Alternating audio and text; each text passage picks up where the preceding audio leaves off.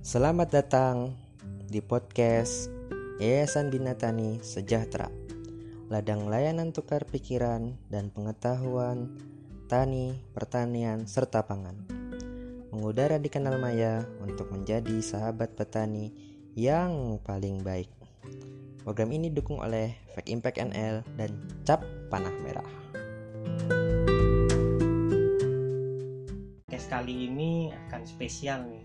Spesial untuk mungkin untuk para teman-teman yang mungkin berkecimpung di dunia uh, di dunia pertanian atau mungkin punya kebun sendiri atau ya uh, iseng-iseng tanam gitu di rumah.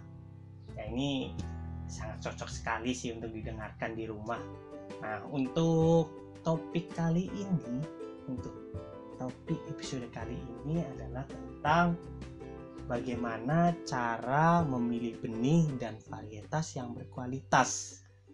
Untuk para teman-teman, enaknya manggilnya apa nih? Teman-teman atau oh sobat tani aja lah ya biar kita kelihatan akrab gitu. Oke, uh, untuk sobat tani, tentunya ketika kita mau menanam sesuatu atau mungkin ingin bercocok tanam, hal pertama yang harus diperhatikan adalah tentang benih dan varietas. Nah, kenapa? Karena ketika kita salah memilih benih atau sembarangan memilih varietas, tentunya tanaman atau hasil panen yang akan dihasilkan tidak sesuai harapan kita. Ya, kurang lebih seperti itulah. Nah, tenang aja buat uh, para sobat tani, untuk materi kali ini dijamin uh, bersumber dari sumber yang jelas, bersumber dari kredibel karena uh, ya aku buat materi ini bukan uh, asal sembarang ngomong gitu ya, tapi bersumber uh, ada beberapa sumber memang dan salah satunya adalah dari Balai Penelitian Tanaman Sayuran. Nah, sekedar info lagi, sekedar info lagi, jadi uh, podcast kali ini disupport oleh Yayasan Binatani Sejahtera Eh, PT Iswesit Indonesia atau Capana Merah dan juga didukung oleh Fake Impact NL. Nah, jadi uh, buat sobat tani pas sekali nih untuk yang lagi di rumah aja nggak ada kerjaan silakan dengerin podcast kali ini. Untuk kunci utama keberhasilan pengembangan komoditi sayuran uh, yang paling utama adalah tersedianya benih dan varietas tanaman yang berkualitas tentunya. Seperti yang tadi saya bilang di awal, bahwa ketika kita salah memilih benih, salah memilih varietas, nantinya tanaman yang dihasilkan atau hasil panen yang dihasilkan tidak sesuai dengan harapan kita. Bisa-bisa kita rugi loh kalau kita salah memilih benih. Jadi eh, mulai dari sekarang untuk para sobat tani, untuk para sobat tani di luar sana. Jadi ketika dalam kegiatan usaha tani sekarang sudah tidak ada lagi yang dinamakan prinsip yang penting tanam. Jadi kalau misalnya yang penting tanam ya sah-sah aja sih tapi jangan berharap hasilnya akan memuaskan. Jadi eh, ketika kita mau menanam sesuatu kita harus memperhatikan kualitas benih dan varietas. Nah, bagaimana bisa menghasilkan produksi yang tinggi jika benih awalnya saja bermutu rendah? Nah, seperti visi dari perusahaan yang sangat terkenal di bidang benih sayuran dari Capana Merah, eh, visinya adalah eh, kami percaya pada benih sayuran berkualitas tinggi dan pelayanan terbaik untuk kesejahteraan petani. Nah, sudah jelas ini langsung dari perusahaan yang uh, istilahnya masternya benih lah masternya benih. Jadi uh, memang benih ketika kita mau menanam sayuran benihnya bagus ya itu adalah salah satu langkah awal untuk menuju keberhasilan. Ya seperti itulah. Kurang lebih uh, maka dari itu untuk para sobat tani dan pengusaha yang bergerak di bidang pertanian harus tahu nih kalian. Jangan asal memilih benih. Kalian harus tahu bagaimana cara memilih benih dan varietas yang berkualitas. Oke uh, mungkin langsung aja ya uh, akan aku terangin. Aku terangin apa-apa saja sih yang harus diperhatikan. Tapi sebelum mengetahui syarat dalam memilih sebuah varietas atau memilih benih, sobat tani wajib wajib membaca deskripsi produk ketika mau membeli benih di pasar. Nah, ketika kalian sudah baca nih, ketika kalian sudah baca deskripsi benih yang ada di kemasan, kalian bakalan tahu, kalian bakalan lebih jelas karena di situ ada uh, ada deskripsi bagaimana karakter dari sebuah varietas. Oke lah, uh, biar mempersingkat waktu, langsung aja nih. Nah, aku bagi trik and tips atau syarat bagaimana cara memilih varietas ini yang pertama. Yang pertama, ketika kalian memilih sebuah varietas adalah uh, sesuai dengan permintaan pasar. Nah, ini perlu diperhatikan sekali nih teman-teman. Jadi, dalam pemilihan varietas kita perlu melihat kondisi pasar atau kondisi konsumen. Tentunya di setiap daerah jenis komoditas sayuran yang diminati masyarakat itu berbeda-beda ya.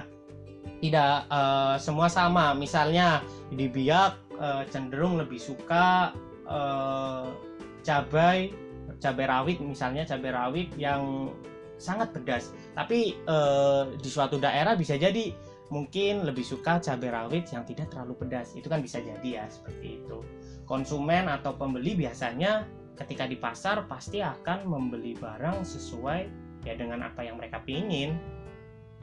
Kita nggak bisa mengatur seperti itu. Yang bisa kita atur adalah kita ketika sudah mengetahui apa yang diinginkan konsumen kita bisa mensuplai barangnya. Itu yang perlu kita perhatikan. Nah konsumen tentunya akan memperhatikan dari yang pertama memperhatikan rasa terus memperhatikan warna terus bisa jadi memperhatikan penampakan atau memperhatikan ukuran. Nah, e, misal ya, ini misal e, di Kabupaten Biak Numfor di mana aku sendiri bertugas, masyarakat lebih menyukai kangkung yang memiliki teksturnya. Terus teksturnya daunnya berwarna hijau muda, terus daunnya agak lebar. Nah, spesifikasi atau ciri-ciri tersebut sangat persis nih Panamera juga punya beberapa varietas sih beberapa varietas tapi yang mendekati ciri-ciri atau karakter sesuai apa yang diminati di Kabupaten Biak Numfor ini persis dengan varietas kangkung Bangkok. Namanya kangkung Bangkok yang dikeluarkan oleh perusahaan Cap Panamera jadi setiap varietas tentunya berbeda-beda dan memiliki karakteristik yang berbeda pula. Sobat Tani pasti tidak mau kan ketika kalian panen dalam jumlah yang banyak sekali tetapi ketika dijual di pasar tidak laku atau harganya murah. Nah nggak mau toh seperti itu. Percuma kalau misalnya kita panen bagus hasil bagus tapi kita tidak laku untuk dijual. Cuma saja. Jadi e, maka dari itu perlu dilihat e, bagaimana permintaan pasar atau permintaan dari konsumen. Ya kita bisa survei pasar lah seperti itu Nah, untuk yang kedua yang perlu diperhatikan ketika dalam memilih sebuah varietas adalah varietas tersebut memiliki produktivitas yang tinggi dan umur genjah atau umur panen yang singkat. Nah, tentunya setiap varietas itu mempunyai tingkat produktivitas dan umur panen yang berbeda-beda. Biasanya hal tersebut bisa kita lihat sih dari kemasan produk. Makanya tadi uh, aku katakan uh, penting sekali atau bahkan diwajibkan ketika membeli uh, benih atau membeli, uh, membeli ya membeli benih kalian harus benar-benar membaca tentang deskripsi produknya. Lalu kenapa kita harus memilih varietas yang memiliki produktivitas tinggi?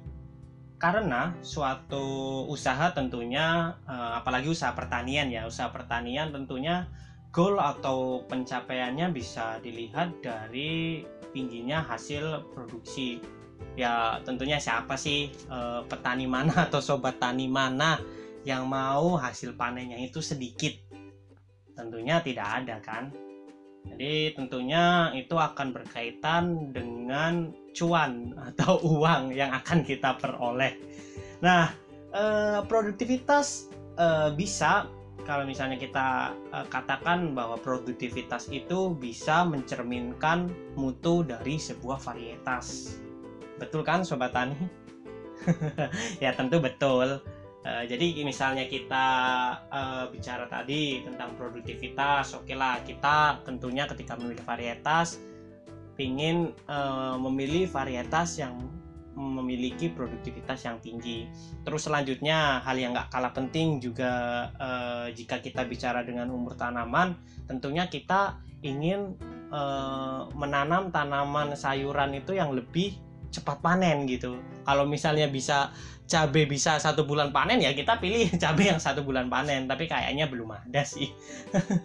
Eh, jadi eh, misalnya kita bicara dengan umur tanaman yang genjah atau umur panen yang singkat tentunya petani akan sangat senang. Akan, akan sangat senang jika tanamannya umur panennya lebih singkat. Nah penggunaan varietas yang genjah tentunya akan mengurangi biaya produksi tentunya misalnya kita uh, umur panennya lebih lama. Jadi misalnya umur panennya lebih lama, tentunya pemupukannya akan lebih banyak, perawatannya akan lebih banyak dan itu tentunya akan eh, apa ya membuat membuat kosnya lebih tinggi dibandingkan dengan misalnya kita bisa eh, memilih varietas yang lebih genjah atau lebih cepat panen. Nah itu sih kenapa umur genjah itu ya perlu diperhatikan juga. Eh penggunaan varietas genjah uh, tentunya akan mengurangi beban kita, tenaga kita atau biaya produksi kita. Oke, terus selanjutnya yang ketiga, yang ketiga, yang ketiga ketika kita memilih varietas adalah tahan terhadap serangan OPT atau organisme pengganggu tanaman. Nah, selain memperhatikan pertama tadi apa ya keinginan pasar, terus produktivitas dan umur genja. Terus yang selanjutnya yang ketiga kita juga harus memperhatikan ketahanan terhadap hama dan penyakit. Karena ketahanan hama dan penyakit ini merupakan hal yang sangat penting.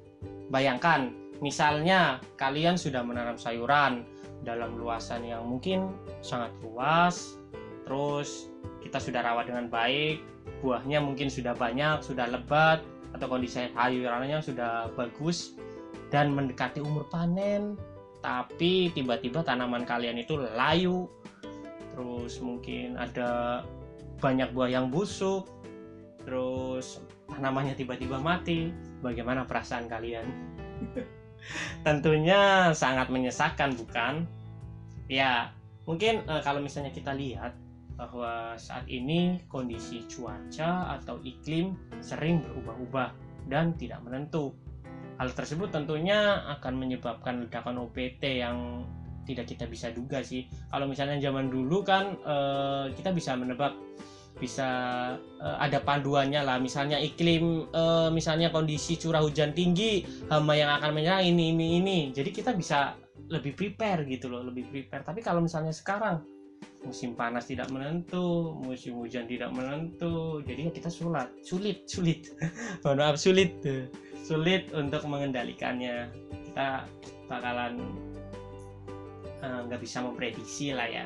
Nah, di sini kenapa peran pemilihan varietas itu sangat penting? Karena beberapa varietas memang diciptakan untuk tahan hama dan penyakit tertentu, tertentu.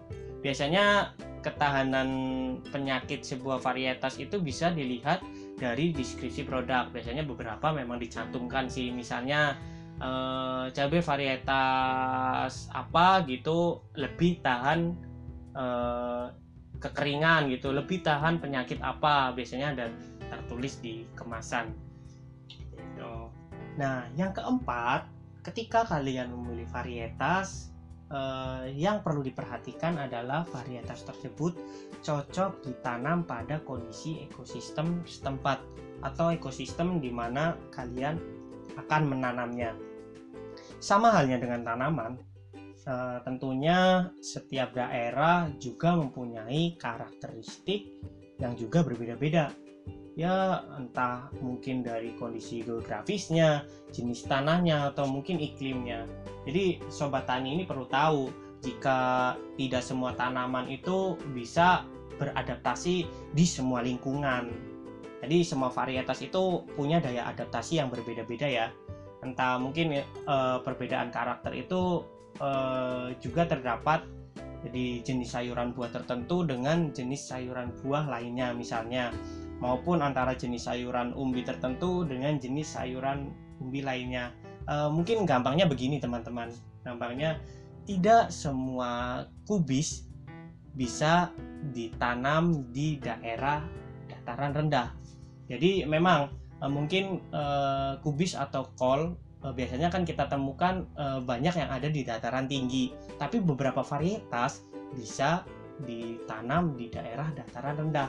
Nah, ya seperti itulah. Jadi setiap varietas itu mempunyai uh, daya adaptasi yang berbeda-beda. Uh, mungkin jika sobat tani tidak memperhatikan hal ini, maka tentunya daya tumbuh dan produksi sayuran yang kalian tanam tentunya tidak akan maksimal. Bisa jadi mungkin tidak akan tumbuh. uh, ya, uh, sobat tani juga perlu tahu jika setiap varietas itu memiliki syarat tumbuh. Ya, misalnya seperti dari ketinggian tempat, ketersediaan air atau kondisi lingkungan. Nah, secara sederhananya, ketinggian tempat itu dibagi menjadi tiga kategori. Yang pertama, eh, dataran rendah, terus yang kedua, dataran menengah, dan yang ketiga, ada dataran tinggi. Nah, kalau misalnya dataran rendah itu berketinggian antara 0 sampai 400 mdpl dan dataran menengah itu berketinggian antara 400 sampai 800 mdpl. Untuk daerah dataran tinggi ini ini yang paling tinggi ya, berketinggian di atas 800 mdpl. Nah, biasanya rekomendasi mengenai syarat tumbuh suatu komoditas itu bersumber dari ya produsen benihnya sendiri. Biasanya memang dicantumkan langsung ya dalam kemasan. Uh, varietas ini cocok ditanam di e, dataran apa. Itu biasanya ada di dalam kemasan. Nah e, jika misalnya sebuah e, benih di kemasan itu tertulis rekomendasi dataran rendah maka tanaman tersebut cocok untuk ditanam di dataran yang rendah begitu seterusnya.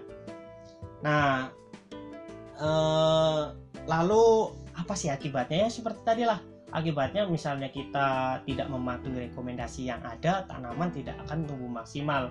Kita akan zong lah, kita nanti jatuhnya malah rugi teman-teman. Nah, bagaimana eh, sobat tani? Apakah masih mau memilih varietas yang sembarangan gitu atau asal beli? Yang penting tanam? Ya tentunya jangan sampai lah ya. Eh, ketika sudah mendengarkan podcast podcast ini, kalian harus benar-benar memilih varietas yang benar-benar sesuai dengan kondisi pasar, terus produktivitasnya tinggi dan e, umurnya genjat terus sesuai dengan lokasi kalian mau tanam. Nah, setelah tadi kita ngomongin panjang lebar tentang varietas, e, sekarang kita bakalan ngomongin tentang bagaimana cara memilih benih berkualitas. Tentunya sama sih sama kayak pemilihan varietas banyak hal yang perlu diperhatikan. Yang pertama, eh, benih tersebut wajib bersertifikat. Jadi setiap benih sayuran yang beredar di masyarakat itu memang sudah diwajibkan harus bersertifikat. Nah, sertifikat itu biasanya dikeluarkan oleh eh, Kementerian Pertanian atau eh, lembaga yang menanganinya. Nah, lalu pertanyaannya begini, kenapa benih tersebut wajib bersertifikat?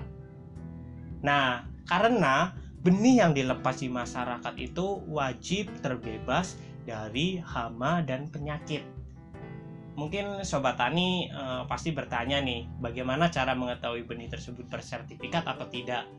Jadi tenang aja, bakalan aku jelasin secara e, simpelnya, secara sederhana. Jadi biasanya benih sayuran yang bersertifikat itu ada tanda bulatan warna biru di kemasannya. Nah, di situ eh, kalian bisa lihat bahwa biasanya ada tanda biru dan tulisannya bersertifikat.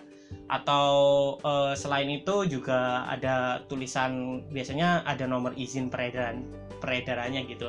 Di kemasan ada tertulis. Eh, maka dari itu, seperti eh, yang aku tekenin di awal tadi bahwa penting sekali untuk membaca eh, kemasan benih selanjutnya yang kedua uh, adalah tentang kemurnian benih. Nah, kemurnian benih merupakan salah satu indikator bahwa benih tersebut berkualitas. Nah, lalu eh, apa indikator benih tersebut bisa dikatakan murni? Jadi, indikatornya adalah benih tersebut bisa dikatakan murni jika benih tersebut tidak tercampur kotoran atau varietas tanaman lain. Nah, aku jadi teringat nih.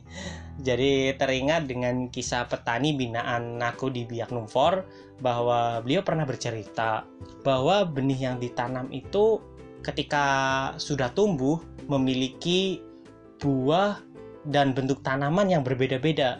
Nah, setelah aku tanyakan, beliau menjawab bahwa benih yang dibelinya itu tidak dalam kemasan yang legal, tapi dalam bentuk kemasan plastik eceran gitulah, dalam bentuk eceran. Nah, tentunya ini bisa menjadi indikasi bahwa benih tersebut uh, tidak 100% murni karena ya tadi uh, si petani itu tidak membeli uh, dalam kemasan yang legal. Maka dari itu buat para sobat tani yang mendengarkan podcast ini kalau misalnya membeli benih ya beli yang dalam bentuk kemasan uh, yang masih bagus seperti itu. Nah, benih sayuran uh, bisa dikatakan bagus apabila minimal kemurniannya itu lebih dari 95% lah.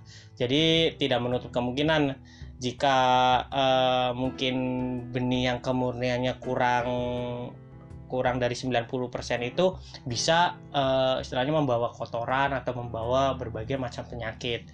Tentunya kita nggak tahu lah ya apa ketika kita membeli benih kita nggak tahu itu benih sudah terkontaminan oleh biji gulma bisa jadi atau mungkin ada jamurnya bisa jadi atau kotoran-kotoran yang lain itu kita biasanya nggak mau tahu tentang itu. Selanjutnya adalah tentang daya kecambah benih. Nah, benih yang berkualitas tinggi bisa dicirikan dengan tingkat daya kecambah di atas 80%. Hal tersebut artinya benih yang kita tanam itu kurang lebih mampu tumbuh sekitar 80% lah ya. Jadi pembelian benih yang bersertifikat dan berasal dari sebuah perusahaan yang kredibel tentunya akan menghindari resiko daya kecambah yang rendah. Nah, sobat tani tentunya berharap kan setiap tanaman yang ditanam mampu tumbuh dan menghasilkan produktivitas yang tinggi. Iya bukan? Nah, uh, yang selanjutnya yang terakhir yang terakhir adalah tentang kesehatan benih. Nah benih yang sehat tentu sangat berharga bagi para petani. Sehingga ketika kita mendapatkan benih yang sehat pengawasan tentang penyakitnya itu akan jauh lebih mudah. Jadi eh, berdasarkan pengalaman di lapangan banyak petani yang mengeluh jika tanamannya sering mengalami gagal panen ya akibat terserang penyakit. Entah itu dari awal persemaian atau mungkin di tengah-tengah tiba-tiba kena penyakit. Padahal mereka eh, sudah melakukan perawatan dengan maksimal. Pemupukannya sesuai anjuran perawatan penyiraman sesuai anjuran tetapi eh, mereka gagal dan benihnya terkena serangan penyakit. Jadi eh, tenang aja. Banyak faktor memang. Banyak faktor yang mengakibatkan hal tersebut terjadi. Salah satunya ya dari awal tadi benih yang mereka beli benih yang tidak sehat. Sudah ada penyakitnya, entah mungkin sudah ada jamur bawaannya atau mungkin uh, sang produsen uh, tidak uh, menggunakan treatment fungisida atau pestisida sehingga ketika dalam distribusinya benih tersebut uh, rusak karena penyakit. Yang selanjutnya yang terakhir yang keempat adalah tentang kesehatan benih. Jadi benih yang sehat tentu saja sangat berharga ya buat para sobat tani sehingga nantinya ketika kita mendapatkan benih yang sehat pengawasan penyakitnya itu tentu akan jauh lebih mudah dibandingkan ketika kita mendapatkan benih yang tidak sehat dari awal. Nah, pengalamanku di lapangan banyak petani yang mengeluh jika tanamannya gagal panen akibat terserang penyakit saat awal persemaian. Saat awal persemaian Padahal katanya perawatannya sudah maksimal, entah dari pemupukannya, eh, penyiramannya, atau penyemprotannya katanya sudah maksimal. Tapi tetap saja ketika eh, mereka di persemaian eh, gagal begitu, ya itu bisa jadi bisa jadi salah satu indikatornya karena benih yang didapat di awalnya itu merupakan benih yang tidak sehat. Nah, eh, jadi eh, itu bukan 100% karena salah petani sih, tapi mungkin bisa jadi karena salah eh, dari produsen benih tersebut. Nah, biasanya ciri benih yang sehat itu bisa dilihat dari kondisi fisiknya. Jika kondisi fisiknya sudah cacat atau bahkan terdapat cendawan atau jamur, bisa jadi benih tersebut tidak sehat. Jadi benih tersebut sudah membawa penyakit dari awalnya uh, ya tapi tidak menutup kemungkinan juga sih benih yang berpenyakit itu bisa jadi tidak terlihat secara fisik itu. Nah, ini ada terobosan baru nih, terobosan yang bagus dari PT Isresit Indonesia.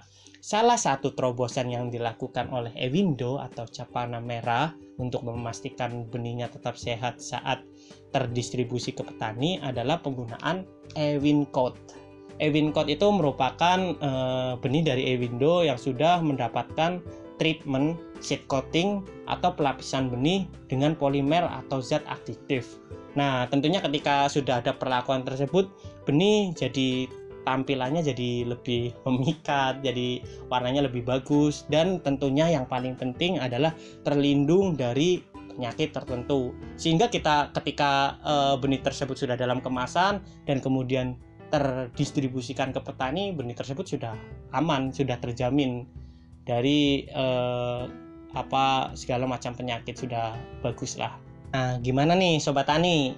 Apakah sekarang sudah tahu bagaimana memilih benih dan varietas yang berkualitas?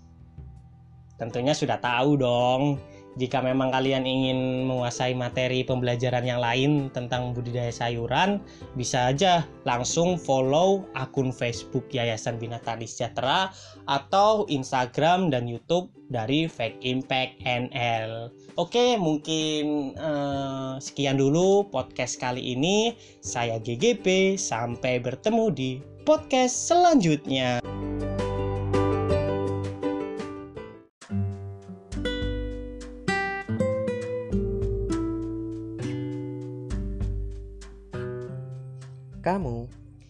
Saja tuntas mendengarkan podcast dari kami. Rekaman ini mengudara atas kerjasama tim penyuluh lapang dengan Yayasan Binatani Sejahtera yang didukung penuh oleh Cap Panah Merah. Sampai sua kembali di siaran pekan depan membahas topik-topik tani, pertanian, dan pangan pilihan.